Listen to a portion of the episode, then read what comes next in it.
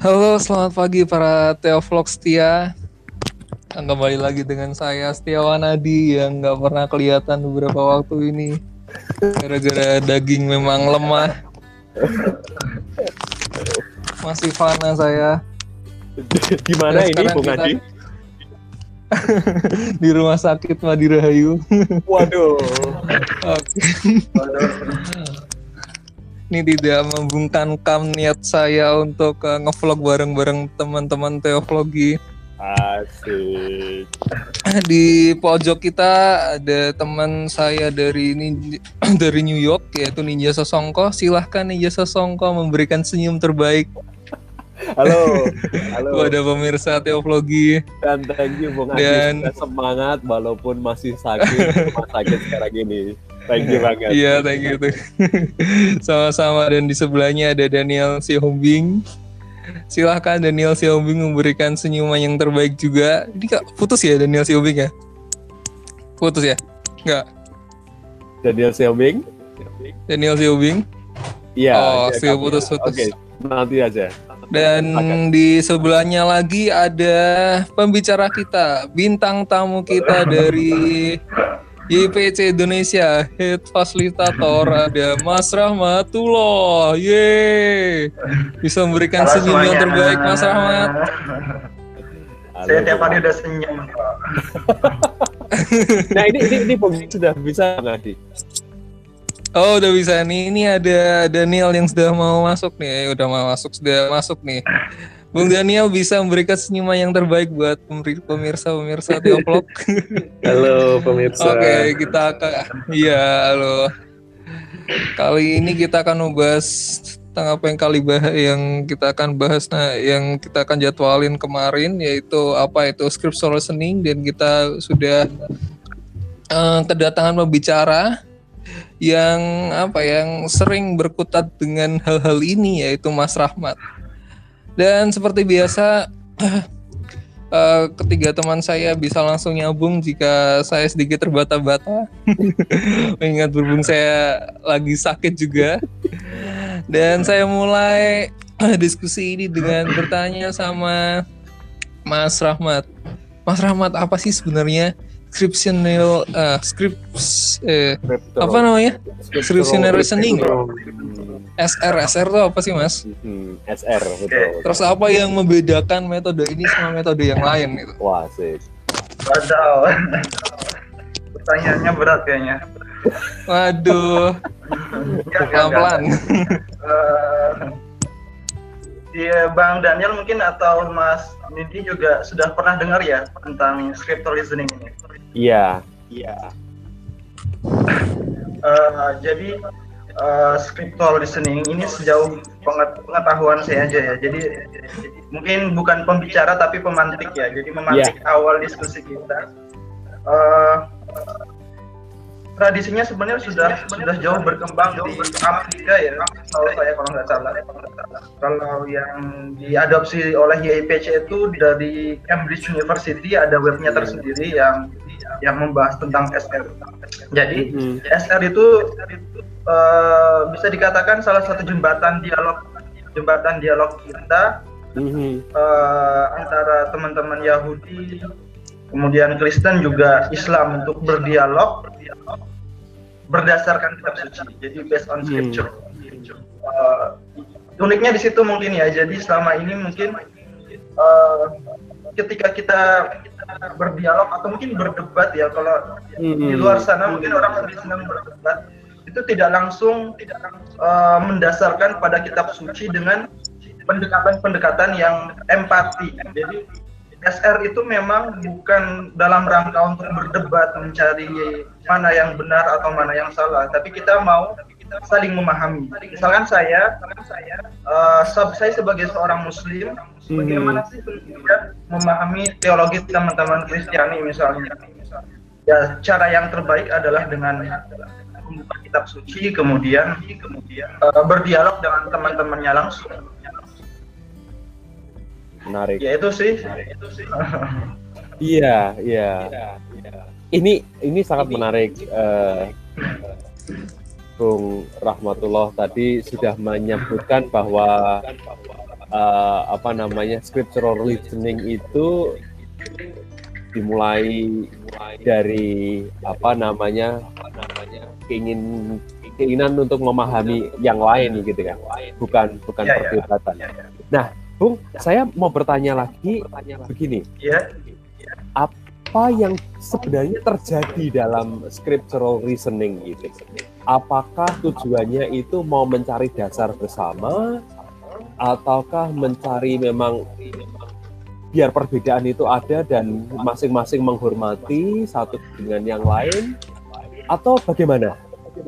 Oke, Eh, biasanya kan teknik di SR itu kita eh, karena nggak mungkin juga ya tidak ada tema yang diangkat. Biasanya pasti akan ada tema yang diangkat dan Hmm. biasanya tema yang diangkat itu adalah mengangkat tokoh-tokoh.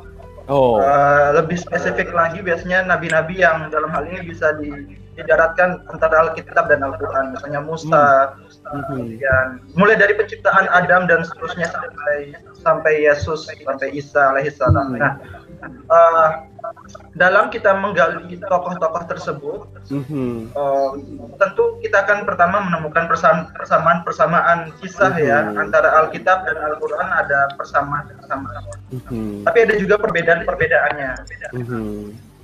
Di an- di nilai-nilai persamaannya kita bisa saling eh, bekerja sama lebih lanjut lagi tapi dalam nilai-nilai yang berbeda ya kita situlah kita saling menghormati situlah Hmm. kita saling menghormati sering kali kan kita bilang saling menghormati saling menghormati tapi kita tidak tahu apa yang harus Iya. dihormati di mana letak perbedaannya nah di situlah eh, letak penting SR ini dan terakhir mungkin kalau di IPC sendiri kita akan ada langkah konkret Ah, jadi ah. belajar dari misalnya dari Musa kita Ah. belajar dari Musa apa langkah konkret yang bisa kita lakukan Hmm. uh, nilai-nilai perdamaian apa yang bisa kita ambil dari Musa itu misalnya Mhm.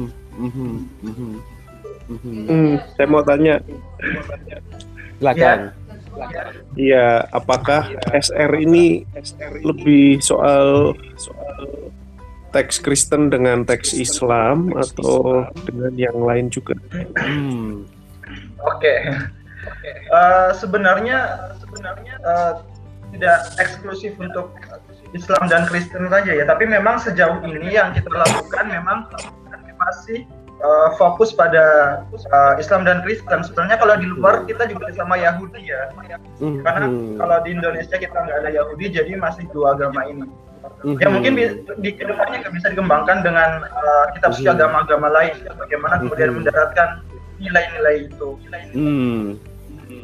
Eh, iya menjawab Bung DS kalau saya eh, mengingat kelahirannya eh, scriptural reasoning itu.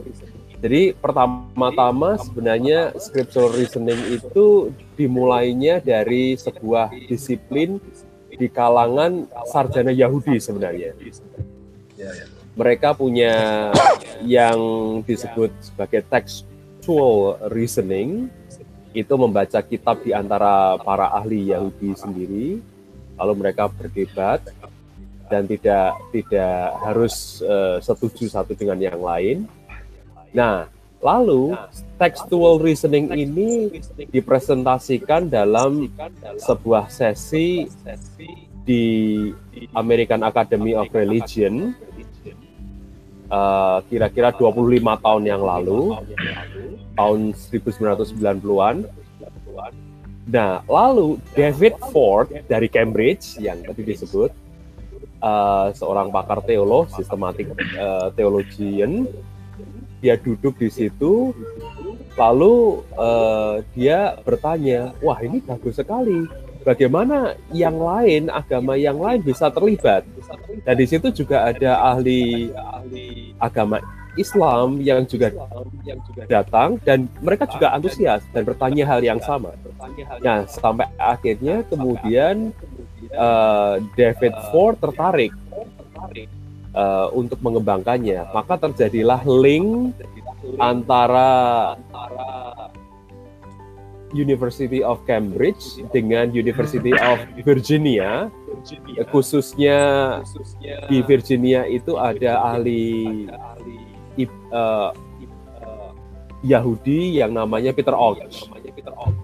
Nah, lalu Hmm. mereka saling berdiskusi dan dan mengembangkan uh, scriptural reasoning ini dan khusus dan dan lebih-lebih di UK uh, banyak sekali uh, apa namanya cabang yang mengembangkan uh, scriptural reasoning termasuk Nicholas Adams yang sekarang ada di University of Birmingham yang dulu di Edinburgh uh, lalu juga Duke University juga ada di Amerika Serikat. Nah seperti itu tetapi memang perkembangan uh, scriptural reasoning ini masih terbatas pada uh, Yahudi Kristen dan Muslim karena tiga ini yang disebut sebagai uh, aga- agama Abrahamik begitu ya. Nah gitu. Nah mungkin Bung Rahmatullah menambahkan lagi silakan. Eh, Iya, mungkin dalam konteks Indonesia ya, saya melihat dalam konteks Indonesia Sure. ya dan lebih spesifik apa yang sudah teman-teman YIPC lakukan juga dalam scriptural listening. Eh, jadi memang kalau kita lihat misalnya eh, sejarah eh, kemunculannya SR itu sendiri memang diiniasi, diinisiasi oleh para akademisi ya, teolog akademisi. Yang boleh kita katakan eh, diskusi atau level top leader mungkin ya. Jadi eh, pemuka-pemuka agama atau cendekiawan eh, eh, ya, yang pakar di bidangnya. Nah, Uh, yang unik yang coba kami lakukan di YIPC adalah SR ini kita lakukan di teman-teman generasi muda karena YIPC kan juga basisnya youth ya generasi muda dan Yap. Dan ternyata juga bisa dilakukan. Sebelumnya, kalau tidak salah eh, peneliti dari Amerika kalau nggak salah pernah datang ke Indonesia dan dia eh, cukup terkejut dengan apa yang dilakukan YMPC karena eh, ternyata bisa juga SR ini di- dilakukan di akar rumput, tidak hanya top leadernya saja. Iya. Jadi menurut eh, menurut saya juga bagaimana kemudian eh, SR ini bisa menjadi salah satu sarana kita untuk memecahkan prasangka Hmm. khususnya mungkin generasi muda ya generasi muda punya eh, ya eh, eranya era gadget jadi informasi di, di sosial media banyak berseliweran termasuk informasi tentang agama Mhm. dan boleh jadi ada yang keliru ada yang kurang tepat Betul. di SR ini bisa menjadi jembatan teman-teman YPC untuk mengkualifikasi oh ternyata tidak seperti yang dikatakan oleh media misalnya Betul.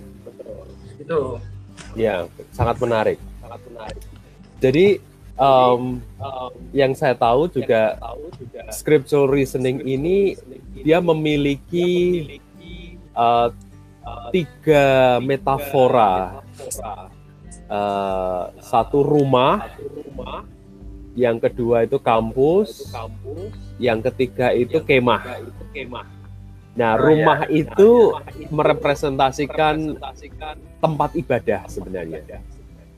Yang yang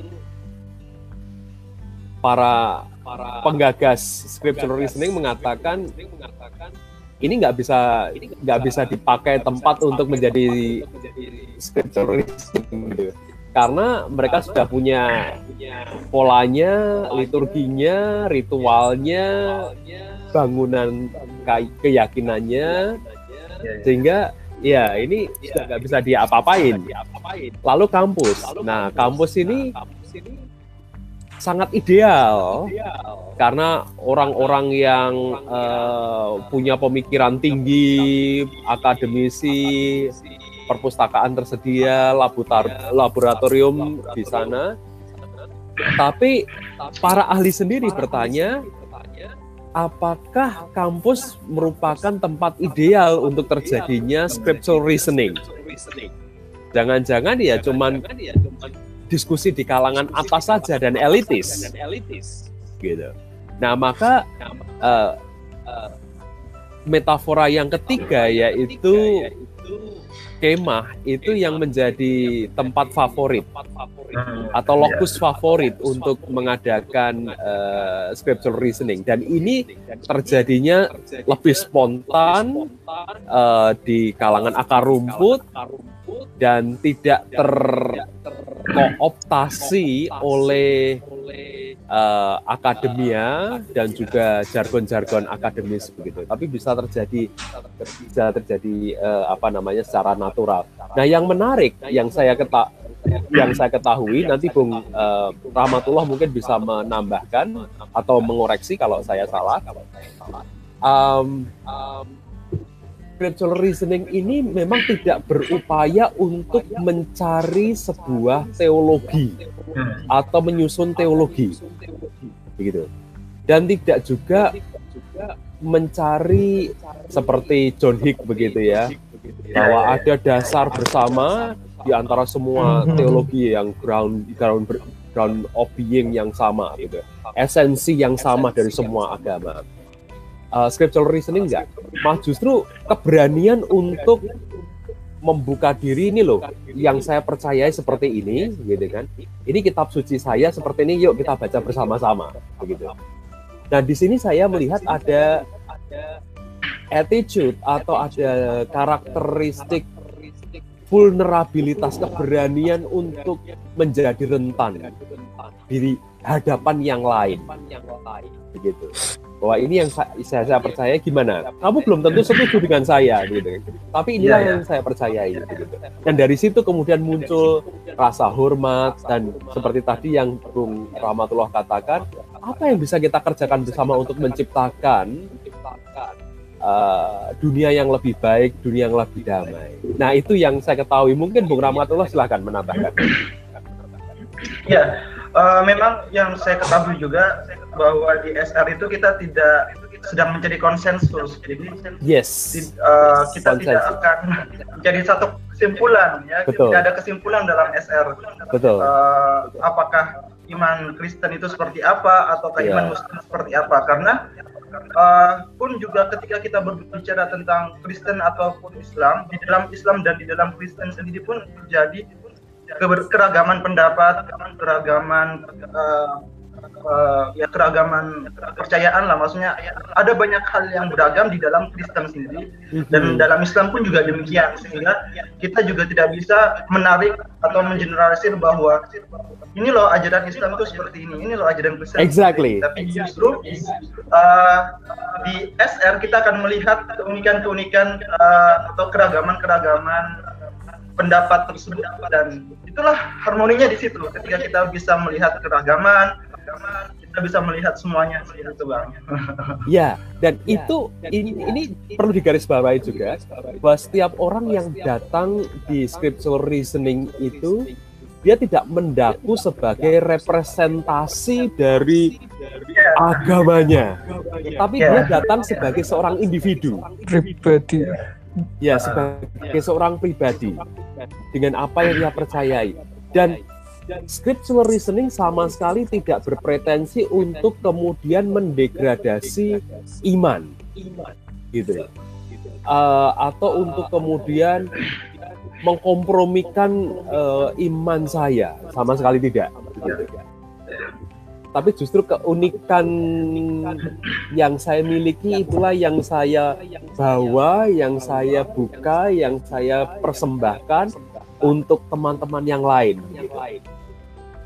Dan saya bisa melihat perbedaan teman saya dan dari situ saya bisa uh, apa namanya menghargai dia. Tapi juga saya bisa melihat bagaimana teman saya membaca tadi ya yang disebutkan oleh Bung Ramatullah kitab suci saya. Dan saya bisa surprise. Oh, kitab suci saya bisa dibaca seperti itu ya. Gitu oleh orang yang lain tanpa harus saya kemudian uh, oh tidak menurut doktrin Kristen seperti ini tapi saya harus jujur dan mengatakan dalam pandangan saya yang saya ketahui teks saya ini yang saya imani ini berbicara seperti itu. begitu. Ya saya mau tanya yang praktis saja yes. Saya mau tanya yang praktis saja karena tadi kan disebut uh, ini ditujukan bukan cuma untuk akademisi tapi juga untuk akar rumput. Saya mau tanya nih. untuk Adi nih. Oh ya. Per pernah nggak di Komisi Pemuda Timotius Wih, yang progresif itu. Iya di GKMI Jogja itu pernah nggak dicoba dilakukan scriptural scriptural reasoning ini praktik ini dan tanggapannya dari teman-teman Kristen gimana? Ah, Waduh, ini ada waktu kan? kita masih punya lima menit. Silahkan, Bung Adi. Oke. Ini testimoni ya, Mas Rahmat. Yo, oh iya. Monggo. Silakan. Jadi Mas Rahmat bisa menambahi silakan, monggo. Oke, ya siap, siap, siap. Eh, ada beberapa testimoni positif dan testimoni yang mungkin bukan mengarah po- ke positif tapi ke mengarah apa ya kayak eh, kritik apresiatif sih. Yang pertama positifnya itu kami ngerti nih, jadi eh, kami udah melakukan scriptional reasoning tuh selama berapa ya? Ada tiga kali nih sama IPC. Hmm. Eh, dan yang terakhir kemarin ya apa ya, Desember atau November kemarin ya dan selalu sama kami menemukan bahwa eh, ketika teman-teman muslim membaca Alkitab kami menemukan sesuatu yang baru itu sesuatu yang nggak Hmm. pernah kami eh, temukan sebelum-sebelumnya gitu misal Mhm. ketika eh, tentang eh, pemaknaan tentang Ma- Maria Mhm. Uh, menurut Muslim itu ketika uh, apa Muslim baca Maria men versi di Lukas, Hmm. terus ketika membawa orang majus, ketika uh, bawa kemenyan itu itu kan, wah kemenyan dibawa sini gitu, Hmm. itu kan, wow, di Alkitab aja kayak gini juga gitu. Em, mungkin itu ya yang apa ya yang yang menurut menurutku bagus semua yang ketika apresiatifnya tuh yang di bagian apa ya komitmen itu dan di, di komitmen sendiri itu eh, kami lihat ini eh, kurang ada apa ya eh, di anak-anak KP Timur sendiri kan biasanya ngasih satu konsensus tuh Hmm. ketika kita sudah baca satu uh, Alkitab atau sudah baca satu tema atau baca Hmm. satu uh, tema-tema diskursif tuh harus menentukan satu hal yang harus sepakati itu dan kita perdebatin bareng tuh biasanya tentang etika itu kita kita kudu ngapain tuh kita ada Hmm. teori apa kita punya data-data apa terus tentang nentuin apa nah kita kan kesusahan ketika tuh ada banyak ada banyak ini ada banyak perspektif dan uh, kalau dilihat tuh perspektifnya itu berkiblat ke mana aja nih Hmm. jadi sedikit sedikit gekaran misal eh, kita harus menerima perbedaan lah. Perbedaan apa yang harus kita terima gitu. Iya. Eh, perbedaan sejauh mana kita bisa menerima perbedaan itu gitu.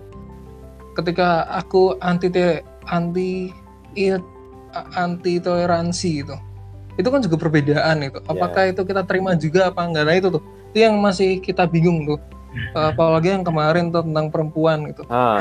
Eh, ada eh, tentang Maria yang eh, apa itu Eh, ada teman saya Kristen baca tentang Maria dulu ini Maria ini kan dijunjung tinggi di Al-Quran Ah. Eh, karena karena eh, dia dihadiahi seorang Isa ketika dia eh, di ketika di zamannya perempuan-perempuan ini nggak pernah dihargai oleh orang orang Hmm. muslim gitu. Nah terus kan prakteknya uh, jadi malah ini, jadi malah uh, aneh. Jadi menurut teman-teman saya karena prakteknya itu malah menghormati ibu, menghormati uh, ya kayak normatif normatif gitu itu yang Hmm, apa ya hmm, kami hmm, ingin perdebatkan tapi nggak bisa tuh. Ya Hmm. kami kami berdebat nggak bisa hmm. dengan dalih uh, ini kan keberagaman nih Hmm. ini ke- keberagaman lah gitu itu yang apa ya ini yang jadi uh, pergumulan kami pas itu. Hmm. dan mungkin lebih sering-sering lagi spiritual reasoning ya biar ngerti apa yang dimaksud. Hmm. reasoning itu sendiri. Tapi sejauh itu yang kami rasakan itu ada positif dan negatifnya. Positifnya kami ngerti oh ternyata ada insight insight baru tentang uh, penafsiran mengenai Lukas uh, tentang Maryam di Al-Quran. Tapi tentang level-level praktis kami kurang kurang ngena sedikit itu Hmm. karena uh, konsep itu benar-benar bebas Iya. ada kutip itu Gimana Bung Bung eh, Rahmatullah nih? gimana kalau- Bung Rahmat Ya kalau kalau saya pribadi sih melihat itu ya eh ya di situ di situlah uniknya SR karena tidak ada konsensus dan di situlah keberagaman itu bisa Yes. dirayakan. Termasuk Yeah. misalnya ketika teman-teman yang dalam tanda kutip misalkan dikatakan dia anti toleran misalnya, tapi dia mau ikut SR pun sebelumnya itu sudah luar biasa dan dia juga uh, di situ pasti sudah uh, mela- uh, terjadi pergumulan pasti dalam dirinya, tapi dia memutuskan Hmm. untuk ikut SR walaupun kemudian dia kesimpulannya seperti itu atau pendapatnya seperti itu ya kembali lagi kita juga harus menghormati pendapat seperti itu. Exactly. Itu sih kalau dari ya. Sa- saya senang sekali eh, hal tersebut. Lebih baik orang tidak setuju, tapi mau tetap berdiskusi, datang berdiskusi bersama-sama di meja begitu. Itu lebih baik, begitu. Jadi jadi dia ke, dia berani untuk membuka diri. Ini loh yang saya percayai seperti ini. Tapi juga tetap ada pergumulan bersama, gitu kan? Yang dia bawa eh, di, di diskusi tersebut.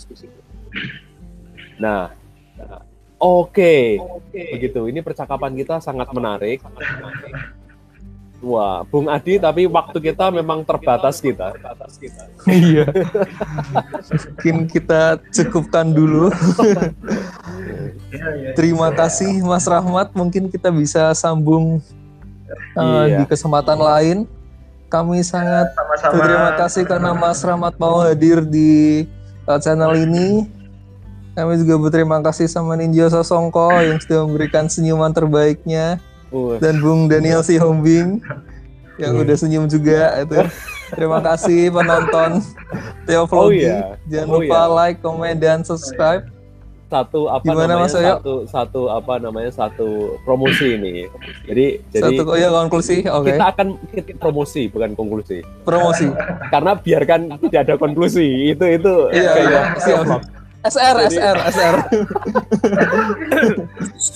Jadi nanti pribadi. apa eh, hari Senin eh, jam 6 pagi di sini dan jam 6 sore kita akan mencoba eh, SR ini Hmm. tapi ini kita akan lebih ke aspek mistik ini. Jadi kita akan minta eh, Kiai Yusuf Daud untuk membaca.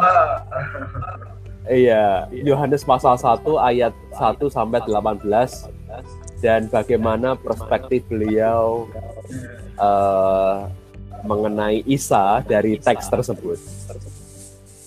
Gitu. Jadi kan kita membiarkan eh, beliau sebagai sang lain Kiai Yusuf Daud ini untuk membaca eh, Yohanes pasal 1 ayat 1 sampai 18. Kitab yang buat banyak orang lebih mistik. Ya, begitu. Itu Bung Adi. Jadi Oke, menarik menarik. see iya. you. Bung Rahmat Rahmat kalau bisa ikut. kalau mau mau iya ikut silahkan lagi. Harus ikut. ya. Nah, iya. Bisa ikut, bisa ikut. Yes. Oke. menarik. Oke, Iya. Thank you. terima kasih sekali. diskusinya. Menarik Bung banget. Adi cepat sembuh. Iya. Makasih.